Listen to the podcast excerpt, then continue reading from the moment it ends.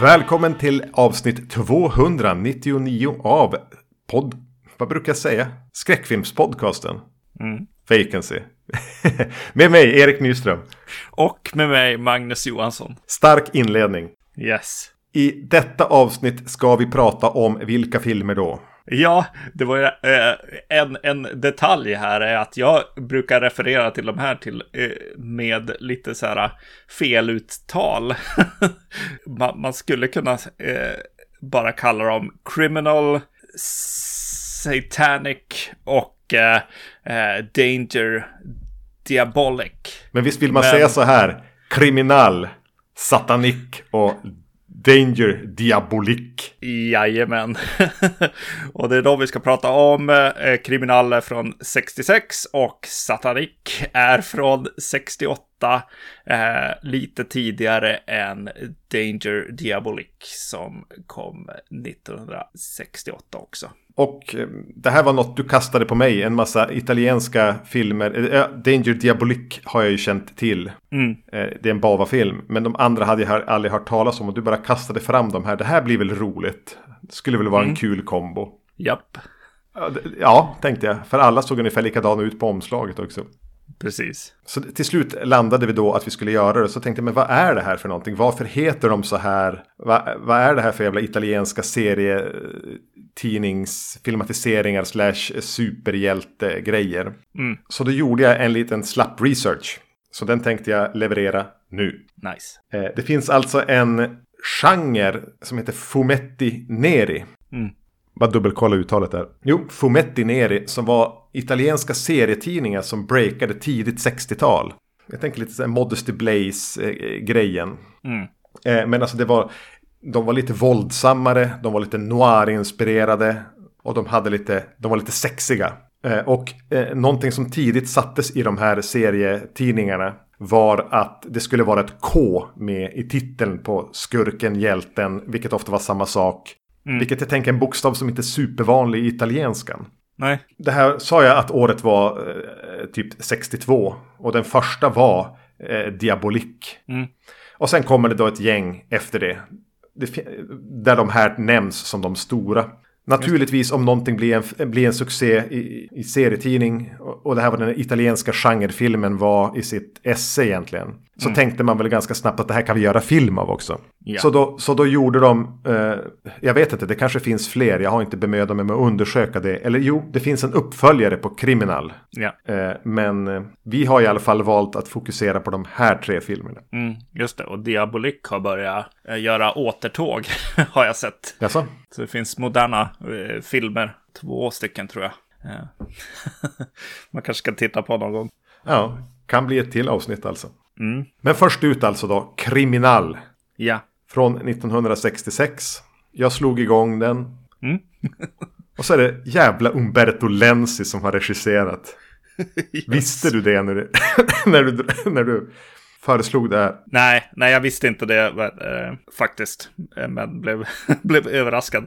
Eh, det är faktiskt mitt senaste Blu-ray-inköp, en av hans filmer, eh, Nightmare City, Ja, som jag har. du fortsätter att vifta med Lenzi-fanan här. Se om jag ska ge mig någon gång. Ja, men Nightmare City har jag väl ingenting emot. Nej, precis. Det är väl den, den som man... Eh, alltså, konstigt nog, i alla fall i, i Skellefteå i gymnasiet så var det typ Lenzi. Ja, men det är ju Nightmare City-snubben. Ja. Kanske det är. Jag Kanske vet är inte så. faktiskt. Nej, eh, det blev att jag snackade en del skit om han när vi pratade i var det två avsnitt sen. Vi pratade i, djungeläventyr.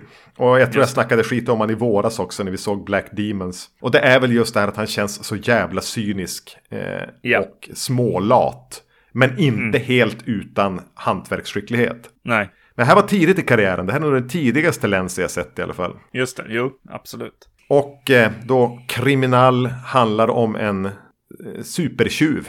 Mm. Som jäckar eh, Scotland Yard och Interpol och allt. Som eh, stjäl sig och lurar sig och trixar sig genom Europa. Mm. Va, va, han har stjäl juveler och folk vill Ja. sätta dit honom.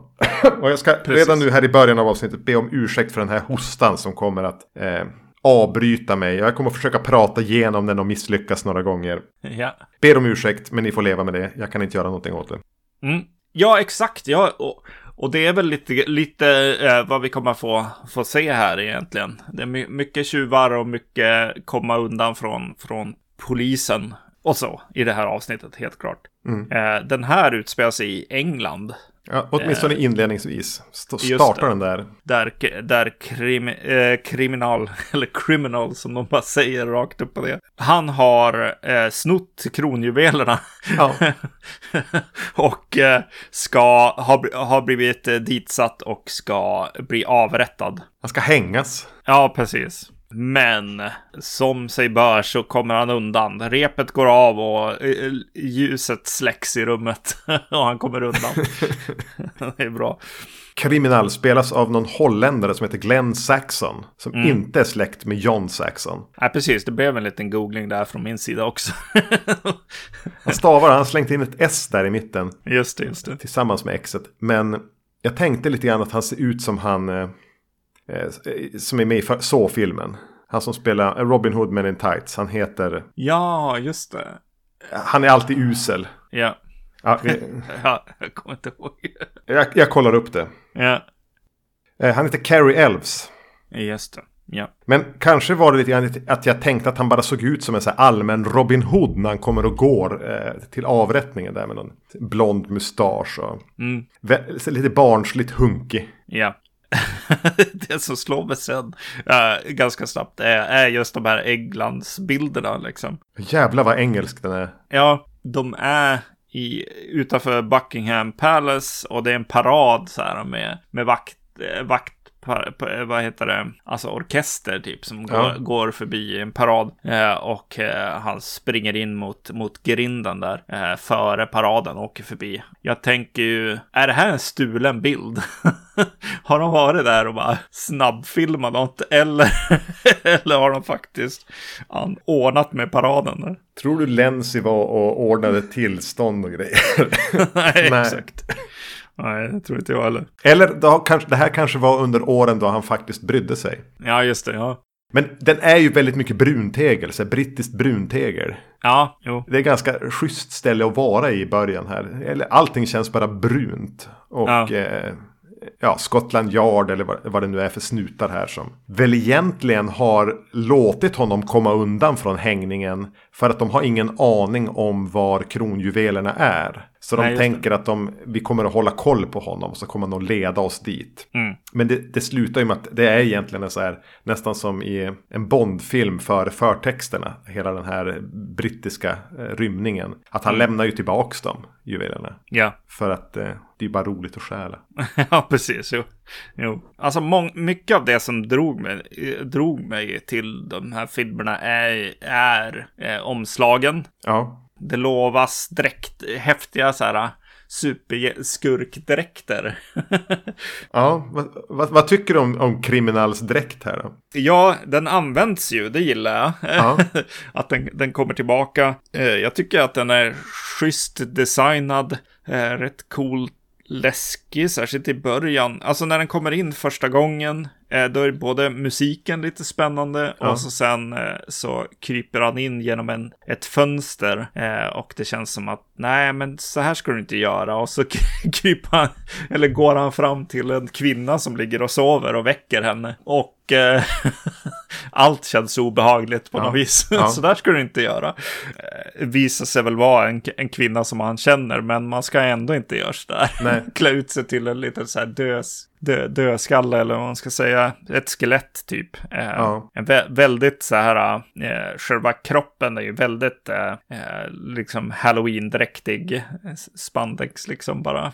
Vad, heter det? onesie? Ja, men en sån här svart, svart catsuit eh, med, med ett så lite suddigt ditritat eh, skelett helt enkelt. Jo, precis. Eh, huvudet, eh, huvudet och masken är väl det som är väldigt custom eh, mm. gjort. Och där, där är det rätt, rätt kladdigt på något sätt. Men det blir ju lite eh, härligt eh, otäckt också, kan mm. jag tycka. Rent. Så, så designen på den tycker jag är väldigt bra. Det är väl serietidningen förtjänst, förtjänst mycket. Sen måste jag ändå säga att jag har svårt att hänga med. Ja. Det kan ha att göra med mitt engagemang. ja. Eh, eller att, eh, ja jag vet inte. När jag ser den här typen av italienska filmer så, ja. Känns det som okej okay att se dem med en liten distans där man mer bara tittar på hur de är sammansatta och lyssnar på dem än att man faktiskt hänger med i alla, vilka är alla de här kvinnorna? Vänta nu är det tvillingar och ska någon lura ett försäkringsbolag och vem ska göra det och vad är det för för juveler och var kommer kriminal in i bilden? Jag har ingen aning varför de åker runt. De är i Madrid och de är i Istanbul och de är i London och kryssar runt Mm. Jag bryr mig inte, men det är helt okej okay också. Ja, precis. Jo, jag får en liten föraning om att det är ett, ett filmbolag eller, eh, eller så som eh, bläddrar sig igenom eh, de här serierna och, och hittar en, en rolig scen eller en cool, cool scenario och nästan gör det någon slags antologi, liksom ihopklippning av olika, olika scener och scenarion som man om man är ett fan, kanske känner igen på något ja. sätt. Det är väldigt, väldigt, eller det blir väldigt svårt att hänga med eller ointressant kanske. Eh, för då, det blir ju hans tillfällen när han smyger in när, när det är en fight-scen, liksom. Eh, smockerna liksom ja. flyger väldigt James Bondigt, fast nästan lite farligare kan jag tycka. Det, det, den här filmen har, har lite så här, eh, ställa upp kameran och låt dem slåss ett tag. Scenografi, det är inte jättemycket snabba klipp och så i en del Nej. av de här scenerna, eh, vilket gör att eh, det känns farligare eh, för de som utför det eftersom att jag tänker att de är skådisar och inte stuntpersoner och, och så vidare, liksom. Eller martial arts. Tränade, det är de inte. Men eh, ja, det som står ut med den här filmen också, det är väl att Eh, han är så väldigt glad i, i sättet som han snor saker. Eh, alltså att det blir busigt. Ja. Eh, är, väl, är väl grejen. Och kontrasten i busigheten kontra hur, hur farliga tricksen är, eller man ska säga, eller, eller faktiskt skadliga. Ja, men precis. Han är ju som en, en prankster, men ja. han bangar inte på att ha ihjäl eller vanställa folk när han gör sina små bus, som du säger. Nej, precis. Nej. Ja, det är, det, det är väl lite återkommande med alla de här tre filmerna. Att de är ju väldigt så här moraliskt eh, i, i något gungfly. Mm. För man ska ju vara på kriminals sida. Mm. Och tycka det är lite festligt när han blåser alla de här personerna och vinner i slutändan, kanske förmodligen. Mm. Men han går ju över gränsen hela tiden och det tycker jag alla de här tre gör. De går liksom ett steg för långt. De, de har ihjäl folk i onödan. Ja. Och då blir man ju som ingen gentlemannatjuv längre. Nej. Om man skjuter liksom betjänten. Eh, eller, exakt. Eller häller syra i ansiktet på någon. Ja, precis. Jo, det, det är någonting som jag känner av att det finns en... Eh, det finns någonting i tiden här som jag inte har full koll på, liksom. Eh, här på, mitten och slutet av 60-talet i Italien. Vad är det som pågår egentligen? Eh, för det känns som att det är filmer som har väldigt lite tillit till staten och till liksom, ja, till myndigheter. Till ja, vad, myndigheter och Politiska ledning. läget i Italien. Ja. För på något vis märker man ju att det här är, ja, de har den här serietidningen, den här lite våldsamma cyniska serietidningen i, i botten. Men att de även har tittat ganska mycket på Bond-filmerna som ju hade exploderat här och var ett stort fenomen. Ja. Eh, men, men som du säger, vad, vad vad är det som gör att man ska sympatisera med de här anti-etablissemangs eh, skurkarna. Ja. Som bara verkar leva för kickarna egentligen. Mm. Uh, vi får ju aldrig riktigt se Criminal njuta heller av, av sina framgångar. Han gör det nästan tvångsmässigt. Ja, precis. Han har jo. inget val, det är det här jag gör. Ja. ja, visste man mer om... nästan, ja. ja. ja. visste man mer om, om, om Italien 60-talet så. Ja. Och ja, men jag nämnde Bond. Mm. Och det är ju ändå och nu ska jag ändå ge lite cred till Lenzi. Mm. den har en elegant lagom påkostad touch. Det känns alltid befolkat. Vi reser faktiskt runt i Europa. Det är några etablerade bilder på de turkiska. Det ser, det ser ut som typ Star Wars-tempel. Jag ja. vet inte vad det är. Men alltså sådana. Den känns lite globetrotterig. Ja. Eh, och det är lyxiga miljöer och han hittar de bilderna, kan presentera dem på något vis. Han mm. har någon fäbless för att så fort vi ska vara vid eh, visa att det, det, är lyxigt och rikt och vi är utomhus, då ska det vara en pool. Yeah. Och varje gång vi får se en pool så ska en till tre män dyka ner i den under scenen. Så Just det. det gott om män som dyker ner i pooler i den här. ja. Ja, det är bra. Ja, eh, någonting som jag noterade som, som kanske inte har med, med, med Globetrottingen att göra, men kanske lite med, med budgetlyxen som finns här. Eh, jag tycker den är bra fotad och det, mm. det som jag framförallt eh, reagerade på, det är när två personer eh, har en dialog med varandra och närbilderna som kommer där, eh, de är väldigt fint uppsatta och det blev, det blev så där bara, hmm, är det, vem, vem har fotat det här? det blev rent så, alltså som när man ser en Dean Candy-film till exempel, att man ja. bara, vänta, det är någonting här som händer. och eh, ja, de, de, de gillar jag väldigt mycket. Eh, och det är så här lite tjusigt hur, hur personerna står tittandes eh, åt samma håll mot kameran och pratar mm. med varandra samtidigt. Ja, det är någonting så här, ja, lite häftigt i de bilderna. Ganska snyggt klippt också, oftast. Mm. Jo. Kan vara så att Lensis stil som regissör fungerar bättre i de här lite svala, lyxiga miljöerna än i djungeln. Mm. Eller när han blev gammal och inte brydde sig ännu mindre.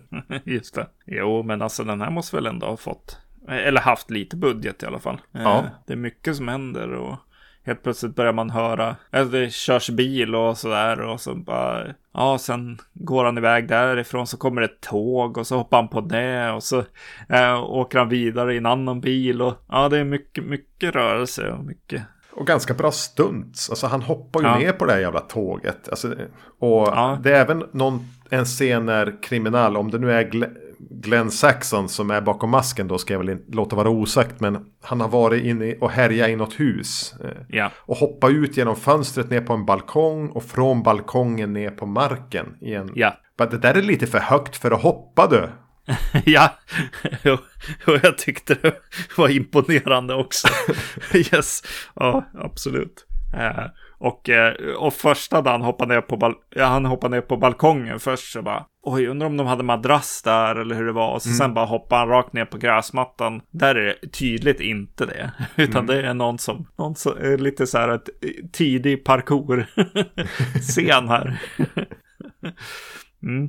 Och över det här ligger hela tiden så här lite swinging jazz-soundtrack. Eh, så mm. det känns lite lite coolt hela tiden. Mm. Ja, jag, vill, jag vill ge en eh, shout-out också till eh, de två, två snutarna som vi klipper till, tillbaks till när det, ska, när det ska funderas på vad som ska hända härnäst. Först och främst tyckte jag att deras lokal, eh, framförallt när de var i, eh, när vi var i England, eh, så, så kändes det väldigt, eh, vad heter det, Allå, allå, Emle-armén. Jag tänkte på på eh, de här tyskarnas liksom kontor där. Ja, just det. Mm. Det var väldigt likt det fast med England.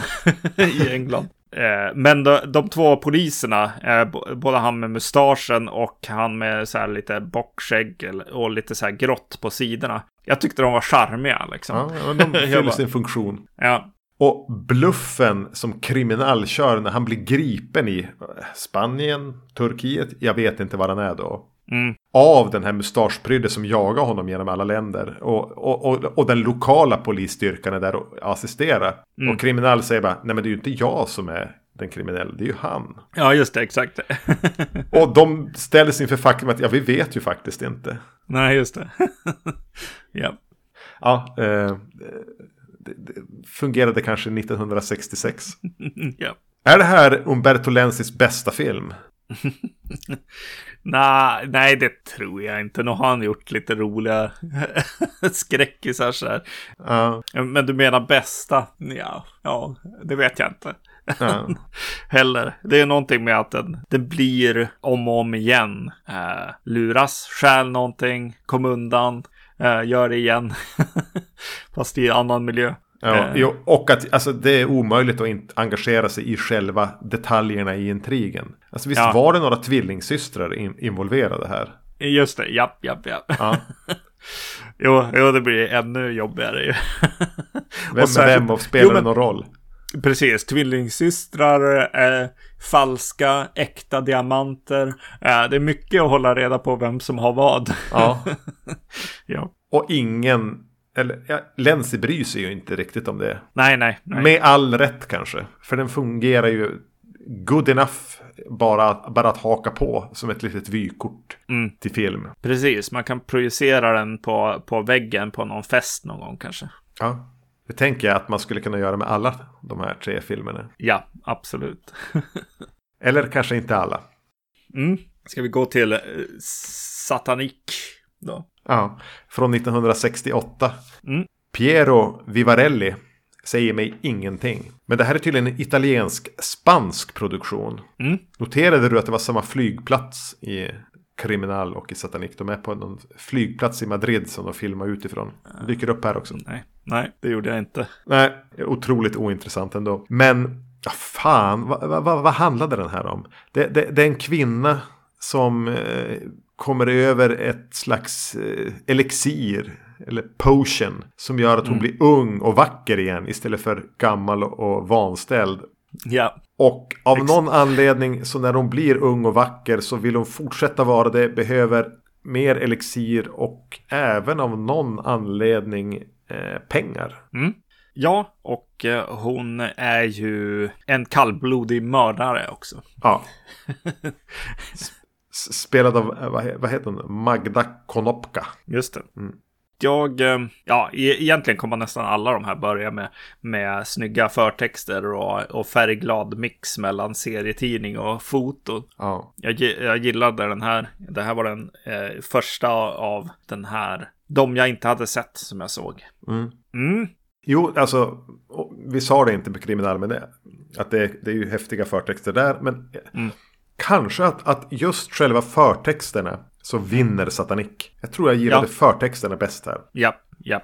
Man har lite, får en liten hint också att det kan bli lite slis i det här. Ja, jag vet inte varför. Eh, både kanske regissören, eh, hade, han hade mest skrivit så här. Eh, han har skrivit Django och lite Emanuel-rullar. Ah.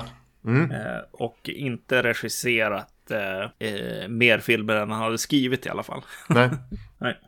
det, det är som en film som öppnar med, alltså på tal om att skriva den, så var det någon som har skrivit en stormig natt punkt, punkt, punkt. Och så sen, vad ska vi göra? Så då äh, går ju den här kvinnan äh, som, som är tant eller vanställd på något sätt. Liksom. Hon har väldigt så här eh, konstigt vitt under ögonen och hilka och grått hår, men eh, väldigt smink dåligt sminkad. Ja, det är en fruktansvärd gammelsminkning.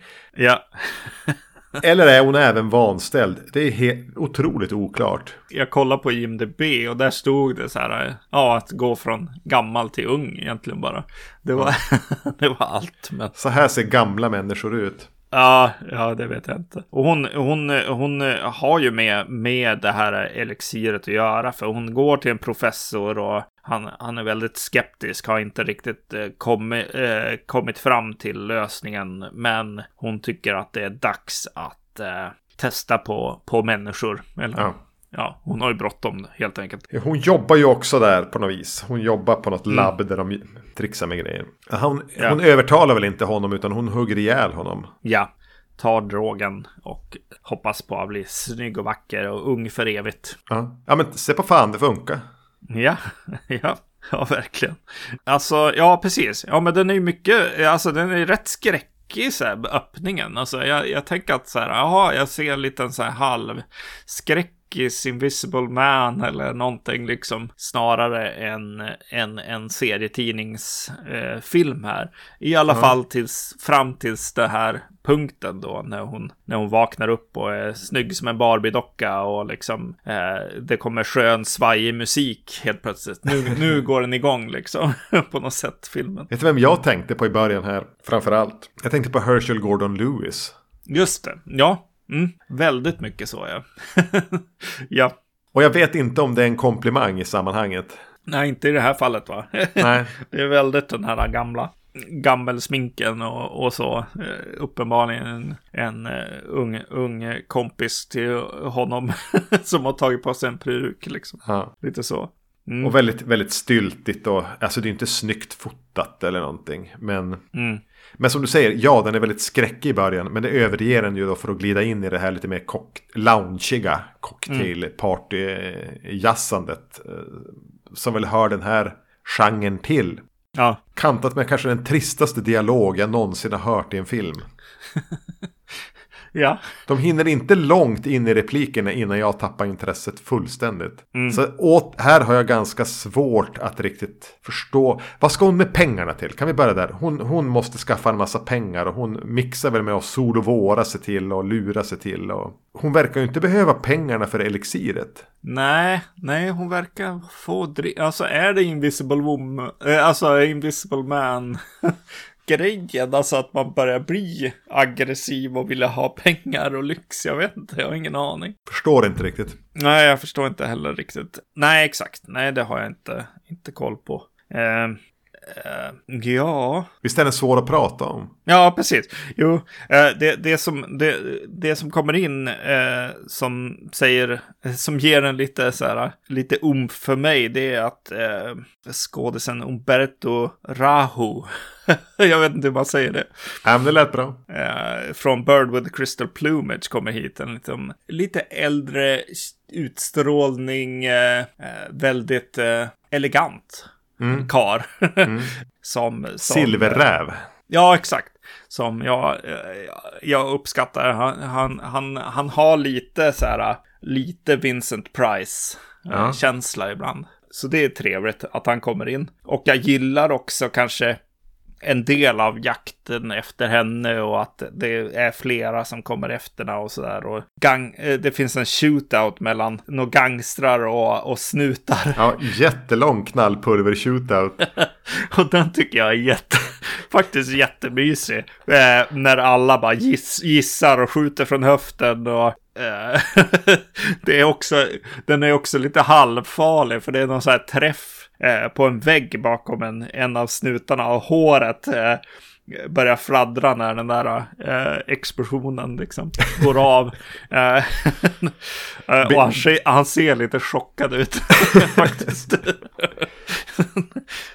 Be mig inte förklara anledningen till shootouten bara. Nej, precis. Nej. Det är även väldigt mycket flamenco i filmen. Mm. Är det en Just grej det. i Spanien att om du ska gå på en så här klubb där du ska vara lite cool, lite, lite rik och, och, och typ ta en eh, konjak med någon mm. på en dejt. Då, då är det flamenco-klubb där. Just då är det, det, några som dansar flamenco. Är det så? Jag har aldrig varit i Spanien. Nej, jag, jag vet inte. Ja, ja. Det, det är liksom, det, det, bara för att notera där liksom, det, är, det är ju en av scenerna där, där, där faktiskt det här med en dräkt dyker upp. Eh, omslaget är väldigt häftigt på den här filmen och man blir väldigt sugen på att Vansinnigt se. Vansinnigt cool mask. Ja, precis. Se den här eh, kvinnan i, i någon sån här catsuit liksom. Eh, mm. springa omkring och sno diamanter och grejer. där, där var jag liksom. Ja. Jag var i att det här kommer bli, bli som vanligt. Men eh, så är det ju inte alls. Det, det är bara en striptease-scen som hon är med i. För att Av hon någon är anledning. snygg nu. jag förstår du väl att om du blir snygg över natten, det första du vill göra är att strippa. Ja, exakt, exakt. det är en riktigt rolig scen också. Där eh, hon har en så här, på tal om, om kläder och utstyrsel. Eh, hon har en randig så här Cornholio-tröja. Mm, mm. som där halsen liksom går eh, upp och är liksom som en huva liksom på huvudet. Och eh, i, i den scenen blir det värsta catfighten där inne, inne på, i ett sovrum också. Det är ju jättedumt. Ja. och lite kul av den anledningen att så här, ja men nu är ni, nu är det ju bara dumt. Eh, det kanske är igen eh, Herschel Gordon Lewis eh, liksom känsla där på något sätt att så här, nej men jag får lämna lite åsikter och sådana saker liksom. Jag får, jag får bara gå, gå in i så här bara, ja, fan vad dumt det här är, eh, modet. Lämna anständigheten utanför. Ja, verkligen. Men, men det, ett problem som jag ser är ju att när den, den kommer in i den här lunken av att så här, ja men jag, eh, jag, jag vill inte bli gammal igen, jag måste ta eh, elixiret och jag måste komma ifrån bovar och poliser och så vidare. Eh, och det finns alltid möjligheten att byta skepnad Mm. och komma undan, eh, vilket ju är kul någ, någon gång kanske. Ja. Men det känns som, det, som den liksom eh, bygger helt på det. Eh, det är lite som att, ja, igen, Invisible Man som bara tar av sig kläderna och kommer undan lite, lite grann. Eh, hon möter en, en man vid något tillfälle. Nu är där jag börjar inte ha koll.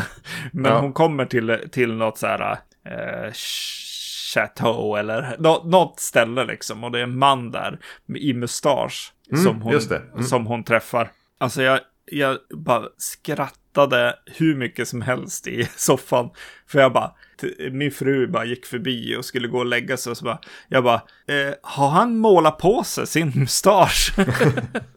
och så, jo, han har det. För, och jag är eh, tvärsäker på att det är så i den eh, öppningssekvensen när de börjar träffas. Så de, han måste ha rakat av sig mustaschen vid något tillfälle och bara, ja ah, men vi behöver de här extra scenerna. vi ritar på en liksom med lite svart färg. Ja, mycket underhållande. Ja, men ja. Hela så här ambitionsnivån och genomförandenivån är ju så otroligt låg här. Mm. Jag såg i, om det var för eller eftertexterna, att eh, Pupi Avati var involverad på något vis. Eh, ja, men, italiensk farbror som väl fortfarande skriver och regisserar film. Mm. Men kanske för mig, för dig, för våran publik mest känd för att ha regisserat The House with the Windows eh, That Laugh. Eller The Laughing Windows. Ja. Lite olika. Han gjorde en av sina första gig då här som regiassistent. Och har i efterhand sagt att jag lärde mig jättemycket av hur man inte gör film. Ja, När jag var med här. För han hade ingen aning om hur man gjorde film. Mm. Och det känns ju märkligt att, så här, eh, att börja skryta upp eh, Umberto Lenzis hantverksskicklighet. Men jag har inget annat val. Eh, för Nej. det här är ju alltså Her- Herschel Gordon Lewis på en dålig dag. ja, ja. Det är så slappt och halvfult och lojt och... Men inte alltså, småkul kanske på sin höjd. Men det är även väldigt tråkigt. Ja, exakt. Ja, det är en väldigt konstig film. Eh, och gjord utan stil eller vision alls. Ja. ja. Eh, så, stil och vision. Ska vi gå över till Danger Diabolique från 1968 av Mario Bava. ja men låt oss. Mm. Mario Bava fick här chansen att jobba åt, vilka är det som har producerat den? Det är ju det är amerikanska pengar här, det är typ Universal eller? Just det. Men eh, det, är det inte Di Laurentiis som har varit Jo, Dino? Di La-. Laurentiis ha- är med, men alltså det, är, ju- det är ju en stor backning. Han Ja. fick ju en jättebudget. Ja. Att eh, iscensätta då en av de, den kanske mest kända av de här Mm. eh, serietidnings eh, i Ja. Italien. Den påminner ju väldigt mycket om kriminal i story. Ja. Vi har en super, supertjuv Ja. som jäckar snuten och bara stjäl och stjäl och stjäl för att han kan. Mm. Och kanske även gå över gränsen några gånger. Ja. Här har då alltså Mario Bava med jättemycket pengar i ryggen fått göra en film och han levererar den väl, eh, som jag har förstått det, långt, långt, långt under budget. För att det var så han var van att jobba. Ja, just det. Det är, eh, alltså den här öppnar med, med eh, fantastiska bilder på, på byggnader som de ska köra pengar ifrån. Mm. Ja, hur hittar man den här platsen? Och är det ens en plats? Eh, eh, är väl det som kommer att vara frågan genom hela filmen. Eh, för det är väldigt mycket, vad det, mål, målningar, vad heter det? Matte paintings. Matte paintings i den här. Men, men jag tror att den här platsen är, är en faktisk plats som de kör pengarna ifrån. Och, och det är snyggt alltså. Det är, det är, det är värt pengarna redan i första bilderna här kan jag tycka. Ja. Att det blir väldigt så här, ja men det här kan väl vara i en Christopher Nolan, liksom Batman-film till och med. Eh, ja. väldigt, väldigt snygg, snyggt. Han, han låter liksom öppningen här ta sin lilla tid och så sen kommer just så här, kommer de till en hamn va? Det är väl det här det händer. Det här han slår till. Och uh, slår han till med så här, vad heter Joker-rök, Batman-rök. Ja. och de förlorar bilen uh, och pengarna då Diabolik uh, snor dem. Och sen kommer James Bond, Kitsch-introt. Ja, du, du namedroppade det redan där. Den känns ju som en, en mix mellan en Bond-film och eh, alltså den här 60-talsserien, Batman-serien. Ja, exakt. Ja, väldigt, väldigt mycket så. och kan man inte uppskatta style och kitsch mm. så kan man ju slå av. För det finns ju ingen story här. Det här är ju verkligen bara en massa vignetter om, om diabolik som, som stjäl saker och, och luras och blir jagad och eventuellt ska luras i en fälla men är smartare än så. Mm. Och så vidare. Men kan man uppskatta extremt, alltså löjligt snyggt iscensatta 60-tals kitsch-tramset så go for it. Varför kändes det som att jag sammanfattar filmen i början? ja, ja, precis. ja. Ennio Morricone har gjort musiken för övrigt. Just det. Mm. Det är mycket, mycket härligt här tycker jag. I, i, I början och pengarna och vad ska du göra med pengarna då? Jo, jag ska ha dem i sängen med, ja. med, min, med min tjej. Ett förhållande som känns konstigt genuint. Ja. När Diabolik är så mycket av en torrboll, liksom. en stolpe liksom. Ja. Ofta. Och eh, mest bara är så här, ja, jag, jag såg någon gång att han gjorde så här med ögonbrynen, liksom höjde ena ögonbrynet. Jag tänker göra det genom hela filmen. Så, så ger ger deras relation ger ju någon slags värme till filmen. Äh, tycker ja, de bryr sig verkligen om varandra. Ja, exakt. Trots att de är, alltså, de är ju löjligt snygga, Barbie och Ken. Mm. Eh, de är super, de är bäst på allt de försöker sig på. Mm. Och det är så här otroligt kåt stämning hela tiden. Men mm. efter de har gjort de här första stöten och de ska typ åka ner till sin hemliga här, underjordiska superskurksbas. Ja. Och, och, och, som mynnar ut i den här scenen, så här pengasex-scenen egentligen. Mm. Där de har som en roterande säng, rund säng. Där det bara ligger massor med sedlar. Mm. Och, och, och, kameran åker där och så helt plötsligt kommer deras händer upp och sammanflätas. Och att hennes ben kommer upp ur nakna ben kommer upp ur den bara mängden sedlar. Mm. Men det ser ju fantastiskt ut. Ja. Det är så jävla häftigt att titta på. Ja, jo, jag tänker det ofta med Mario Bava just att, att man kan alltid lita på honom. Och nu, nu tar jag kanske i bara för att jag är, jag är den jag är. Men man kan lita på honom att det inte blir för sleazy heller. Mm. Det, det hjälper en film i, i nutid. Alltså Mario Bava hade jag vet inte om han hade några gränser, han hade någon, någon liksom eh, gubbig... Han var ju äldre än de andra. Han ja. var ju mycket äldre än, än Argento, Fulci, Lenzi. Alltså mycket ska jag inte säga, men han var ju äldre. Mm. Så, så även, ja det blir liksom Bond fast utan kvinnohatet på något sätt här. alltså ja. det blir, det blir, den har, den har och älskar vackra kvinnor, den här filmen också. Men den är inte sleazy som en del eh, italiensk film kan bli. Jag vet inte. Eller, eller är jag ute och cyklar? Nej, den, den håller sig väl mer på mattan. Ja, ja. Och jag kan förstå om man tycker att den blir lite så här töntig eller tråkig på grund av det. Ja, jo, det kan För den är ju all, känns ju aldrig farlig. Nej. Jag vill bara säga, eh, huvudrollerna spelas av John Philip Law spelar Diabolik. Jag har ingen aning om vem det är. Nej. Som du sa, en stolpe. Men fan vad lång han är. ja, han är lång. Han känns som en jävla spindel när han springer runt i den här spandex eh, catsuiten med mask. Och, är nästan lite obehagligt. Han är ju tänker, Det känns som att han ska ha fler ben också. Ja, han har ju verkligen gått in för, för, för det här. Han är committad till rollen. Han har kollat in serien och han vet att äh, Diabolik ska stå på ett visst sätt. Äh, kanske äh, hoppa över bilen på ett visst sätt, liksom med de sådana här långa, långa benen där. Det, det är häftigt. Det kanske är därför det blir också, just för att han verkar spela mycket på uttryck som han har sett i serien, så blir han ju kanske extra bra när han har dräkten på sig också. Han ska ha dräkten på. Ja, precis. Ja.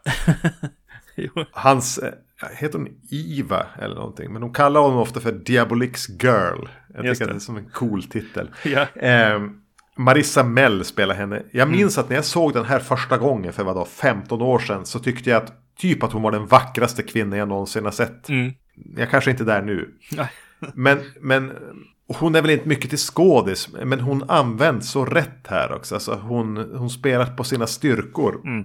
Jag skulle ju inte vilja se någon annan i den här rollen. Nej. Och då vill jag passa på att prata om att Marissa Mell dog. 53 år gammal. Hon var österrikiska. Ja. Dog 53 år gammal, urfattig och extremt ensam. Det var i princip ingen som kom på hennes begravning. Hon dog i lungcancer. Oj. Mm -hmm. Så Tack för oss. Ja, tack, tack, tack. Det var det här avsnittet. Nej, jag var ja, hon hade ett jättesorgligt öde. Ja. John Philip Law levde ju längre i alla fall. Mm. Och då, då nämner jag bara en till skådis som är med. Apropå att den är lite töntig den här filmen. Men jag tycker det är töntigt på rätt sätt.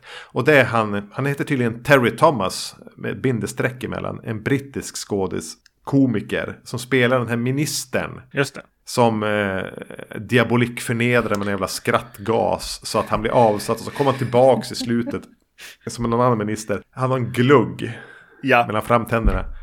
Alltså kall, är det så här att jag har blivit gammal nu? ja. Är, eller är jag bara otroligt töntig? Eller är han rolig? Ja. ja. jo, det, ja, men det är bra. Men det är väldigt brittiskt och eh, liksom 60-tals eh, eh, roligt på något sätt.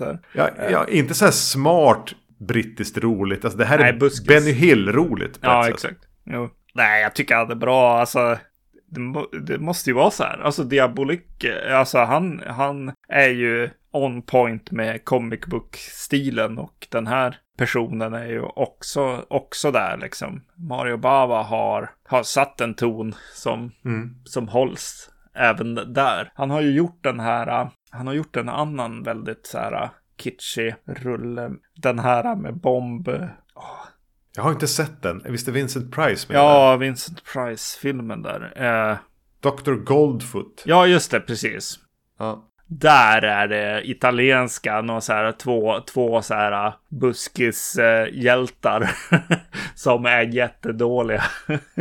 och, och drar ner filmen totalt. Eh. Jag har inte sett den. Nej, där går det, går det överstyr åt fel håll. Men vet du vem jag då tänker är ganska viktig i den här filmen för att hålla en balans? Eh, för ja, men Terry Thomas här som spelar någon minister som är, han, försvin, han försvinner ju ur filmen. Men den som mm. jagar Diabolik hela tiden. Ja.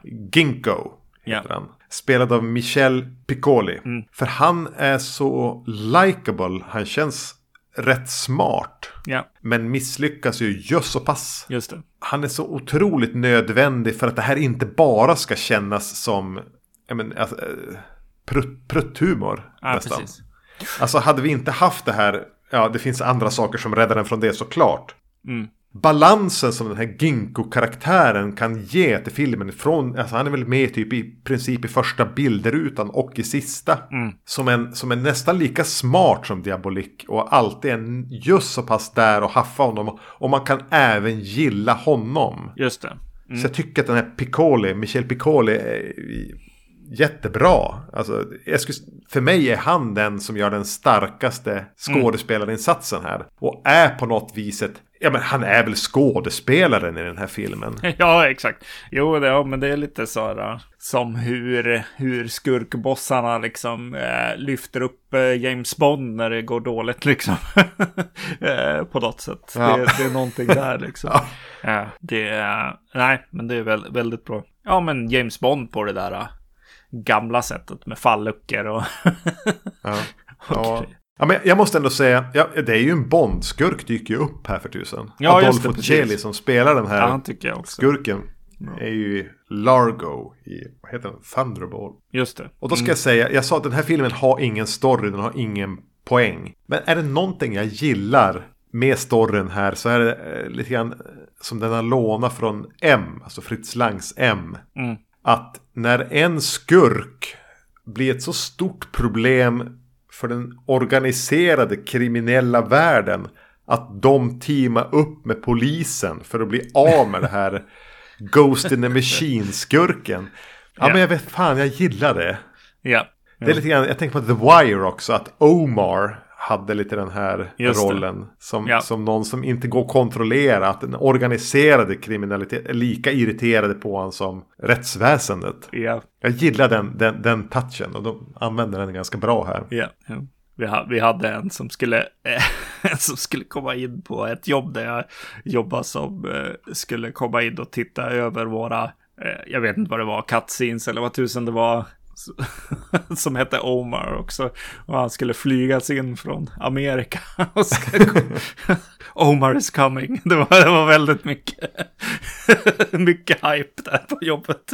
Fan vad besviken du blev nu träffade Nej, nej, han var bra. Men han var inte Omar. nej.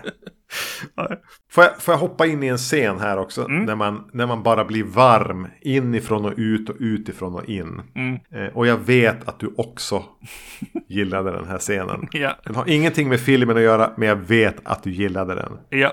Eh, och den krokar lite i det här med den kriminella undervärlden att polisen börjar göra razzior. För då slår de till mot en klubb. Ja, yes.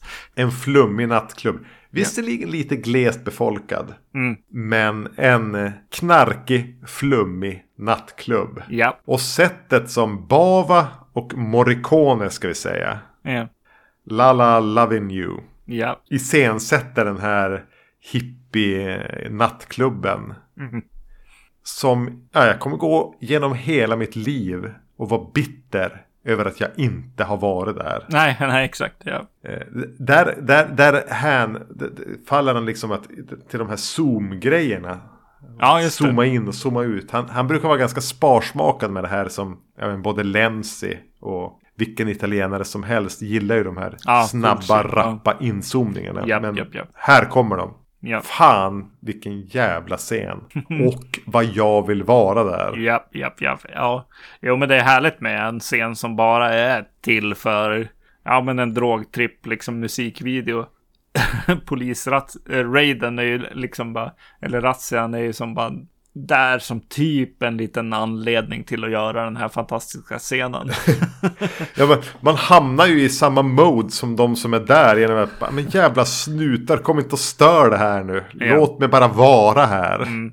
Jo. Någonting som slår mig jättemycket den här, den här gången och förmodligen tidigare också, men just nu så eftersom att man ska sitta och så här, analysera lite och titta liksom lite extra mm. mycket. Det är ju hur Eh, hur Bava, du, du pratar om budgeten, hur Bava kan lyfta eh, scener och platser till, till enorma stora liksom eh, grottor och eh, ja. vad han gör. Han är på någon flygplats och har ställt ett flygplan i förgrunden och det är bara, ja, det är ju bara en en målning liksom. Ja. Han gör någon scen när han kör ner i Batgrottan höll jag på att säga. Nej, men eh, och eh, det stängs en port och den porten är ju uppenbarligen specialeffekt mycket närmare kameran och så här. Men det ser ju jävligt bra ut. Ja, alltså det är ju bara stor eloge till att välja Bava först, men också ja. Bava själv. Att så här, det är ju hans hantverk, eh, som jag förstår det ofta i hans Ofta, filmer också. Ja, så är det ju han som bara, nej men jag, ja men det är lugnt, jag, jag ritar ett slott uppe på den här kullen liksom. Eh, brukar, brukar vara, vara han som har signerat den längst ner. Nej men, ja. Ja. Eh, att kunna jobba så här mycket med glasskivor Ja. med målade bilder som du sätter framför kameran. Mm. Det är helt jävla sjukt. Ja. För när han väl jobbar med något så här, så här rear projection grejer är ju de skitfula. Ja, just det. Mm. Det kommer några sådana som verkligen sticker i ögonen. Mm. Ja, men det här är inte, det är inte så här du ska jobba. Lita på dina glasskivor där du har målat ett slott eller Mm. ett berg eller en grotta eller plan eller vad- var det än är. För det är ju fan bättre än mycket modern CGI. Eftersom det får en annan fysik. Ja, precis. Jo. Ja. Ja, mycket, mycket häftigt. Mycket häftiga bilder också med, som har med serietidningssaken att göra. Att han delar upp bilder i rutor och eh, backspe- eh, det finns en med en backspegel där de sitter och kollar på ett slott. Så bara, ah, det är en liten ruta där. En comic book strip längst upp och sen en ruta som är själva slottet. Ja. Det tycker jag är skithäftigt. Att, ha, att det inte bara är... Ja, men de, de andra filmerna har ju inget av det. inget Nej. inget eh, så här, eh, förutom liksom dräkterna då kanske. Men eh, det är ju någon som, ja, han har ju tänkt ett varv till här. Helt enkelt. Men det är ju intressant att eh, någon så tidigt kunde sätta en palett för vad som skulle vara sättet att göra den här typen av filmer. Mm. Jo, exakt. Och det är ju så mycket, ja, verkligen. Och ja, men du tog upp en sak faktiskt. In och utzoomningarna. Ja. Han gör inte jätteofta, men han Nej. gör det här. Mm. Och ja, vad är det? Ja, har du sett någon med tre bildrutor i rad där man åker närmare och närmare ögonen liksom? Ja. I en serietidning? Ja, det har du gjort. det vill jag nästan slå av dem. ja. Jag har en liten fråga här också som kommer mot slutet av filmen. Är det så att Diabolik slår ut hela staten? ja. det är väl det som står ut i den här filmen. Han är ju terrorist. Ja, Ja. För den börjar att han är en liten småtjuv. Men sen så utfäster de en så stor belöning att han tänker det här kan jag inte gå med på. Nej. Utan jag måste helt enkelt slå ut staten. Ja, precis. Vilket det. han gör med, med några välvalda detonationer. Ja, exakt. Ja. ja, men precis. Det här är en till sån. Så här bara, vad är det som pågår där borta? Vad hände just? Ja, och vad händer i, i Italien just nu? som gör att Och de vem- gör det här. Ja, och var ligger mina sympatier här? ja, exakt. Jo. jo, exakt. För det är det. Alltså ser jag det här på bion i Italien eh, 68. Eh, börjar jag hurra eller? För någonting är han ju, alltså en grej gör han ju som de sätter mycket fokus på. Och det är att nu behöver ni inte betala skatt längre. Mm. För det är ingen som kan hålla koll på liksom. Vem har betalat in skatt? Hur många ska? Hur mycket är jag skyldig? Och sådär.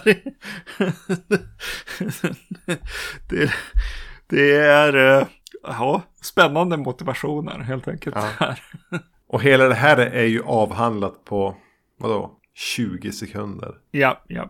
Ja, det är märkligt. Och va, ja, just det, precis. Och då, nej, det är ju bara konstigt. Staten får panik och smälter ner allt sitt guld till en jättetacka. Gissa vem som kommer att vilja sno den? exakt, exakt. Oj, spoiler, spoiler. Men ingen bryr sig om det här. Nej. Men hela sekvensen när han blir i princip ingjuten i guld. Ja, Och ögonen börjar röra sig på honom i slutet. ja, Så jävla mysigt. ja. Mycket, mycket bra. Mm. Ja, vilket geni han var bara. Ja, jo, eh, verkligen. Den här bombade ju tydligen fullständigt på biograferna. Jaså? Då de kom. Och var utskälld och hatad länge. Ja, Tills jag tänker att Tim Lucas ensam har ha, ha uppmärksammat världen på att Bava var långt före sin tid OSV, OSV, OSV. ja, Eh, så att den har börjat få en så här retro eh, respekt Ja. för, för, för just vad den är. Nej, den har ingen story. Nej, den har inga skådespelare. Men som en teknisk stylish kitschövning så är den ju fantastisk. Ja, precis. Den är ju mer... Alltså, det är ju väldigt lätt att hitta kitsch, liksom filmer och sitta och eh, skratta och liksom så. Och det man, kan man göra åt den här filmen, helt klart. Ja, gud. Eh, men du kanske vill se den en gång till. eller kanske ännu en gång. Eller, Ja. eller ha, ha den på ditt som eh, mobilskal. som jag har. det, så, så kan det bli. den, den har mer. Det är inte så här. eh, Åh, den här syns, ses bäst i grupp eh, när man sitter och dricker en öl och skrattar. Men den ses också väldigt bra så. Men du kan också se den själv Ja, och bara uppskatta hantverket eh, och myset som den har. Liksom. Och de här eh, fantastiska duschscenerna med de dimmade sektionerna för bröst och rumpa. Liksom. ja. ja. Ja, de är fan snygga Ja. i, i huvudrollen här. Ja, ja, verkligen. Jo, han ser, han, han liksom, ja, han känns som typ en Star Wars-gubbe eller en Ken-docka liksom som skådespelare i filmen. Men han ser väldigt fräck ut och det finns känslor att ha för honom. Kanske hans relation med Diablos, eh, Di, Diabolix kvinna, eller vad det var. Ja. Nej men de, de är ju väldigt eh, fästa vid varann. Och det ger ju ett litet, litet, litet eh, sparkle av, av eh, någonting där. Ja, precis. Han frågar vad vill du ha i födelsedagspresent eller vad det nu är. Och det hon vill ha är det han vill göra. Sno någonting. Ja. Som är dyrt. det, är, det är fint på något sätt. Det är, Ja, nej men det är ju inget snack om att eh, Danger Diabolik sticker ut som den klart bästa av de här. ja, Och då får ni ha, eh, och med ni menar jag då naturligtvis våra kära lyssnare. Ha i åtanke att vi är ju Mario Bava fanboys deluxe. ja, ja, precis. Ska vi slåss eller? Nej. Ja, eh, Men, men, men. Jag, kriminal hade ett betydligt högre underhållningsvärde än vad jag trodde. ja. Den kan man också se. ja, det tycker jag. Förvänta er inte den här diabolikfesten, men, men ändå. Nej. Satanik tyckte jag var, var, var ganska plågsam. Ja, den missar ju liksom mycket. Blev, blev inte bra någonstans. Och jag menar, vi, äh, äh, vi såg ju Modesty Blaze Ja, för ett, ett bra tag sedan. Någon julklapp eller vad det var. ja det var en julklappsserie. Eh, och eh, den var väl kanske inte jättebra. Men eh, jag skulle definitivt ha sett den eh, hellre än S- Satanik här. Mm, Eller den här kriminaluppföljaren som finns. just det. Mm. Med, med Glenn Saxon. Jo, nej, det är ju ett eh, självklart alltså, val eh, att göra en uppföljare på den. Ja. det är bara att köra. Ja, vi får väl se. Vi får väl se om eller när vi återvänder till den här jävligt smala genren. Ja, ja. Och någonstans måste vi väl lova oss själva, varann och även er lyssnare att vi kanske ska tagga ner lite grann på Italien nu ett tag. ja. ja, det kan vi göra. Men vi är ju även välkända för att eh, bryta löften, skita i vad ni tycker och eh, bara gå på impuls hela tiden. Ja, vi får rätt bra feedback på att vara i Italien också, måste jag ändå säga. Men eh, ja, i nästa avsnitt är eh, jubileum. Ja, Mm. vi brukar ju, vi brukar ju byta julklappar med varandra i nästa avsnitt. Men vi, vi valde att skita i det för ett år. Ja, För traditioner är för borgare. Mm. Eh, och istället så... Ja, ja, ja, men vi säger vad vi ska prata om va? ja det gör vi. Ja, men det är avsnitt 300 för helvete. Så då ska vi alltså prata om Zack Snyders 300. ja, Nej, fan heller. Innan. Eh, vi, vi tänkte gå på något vis till kärnan av eh, namnet på den här jävla podden.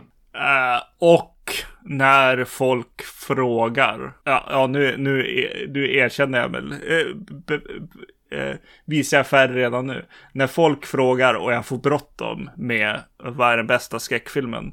Eh, då brukar den här dyka upp. Eh, mm. Och vi ska prata om Psycho. Det blir skitkul. Mm. Ingen press att prata om Psycho, en jävla Hitchcock-film, världens bästa film, bla bla bla.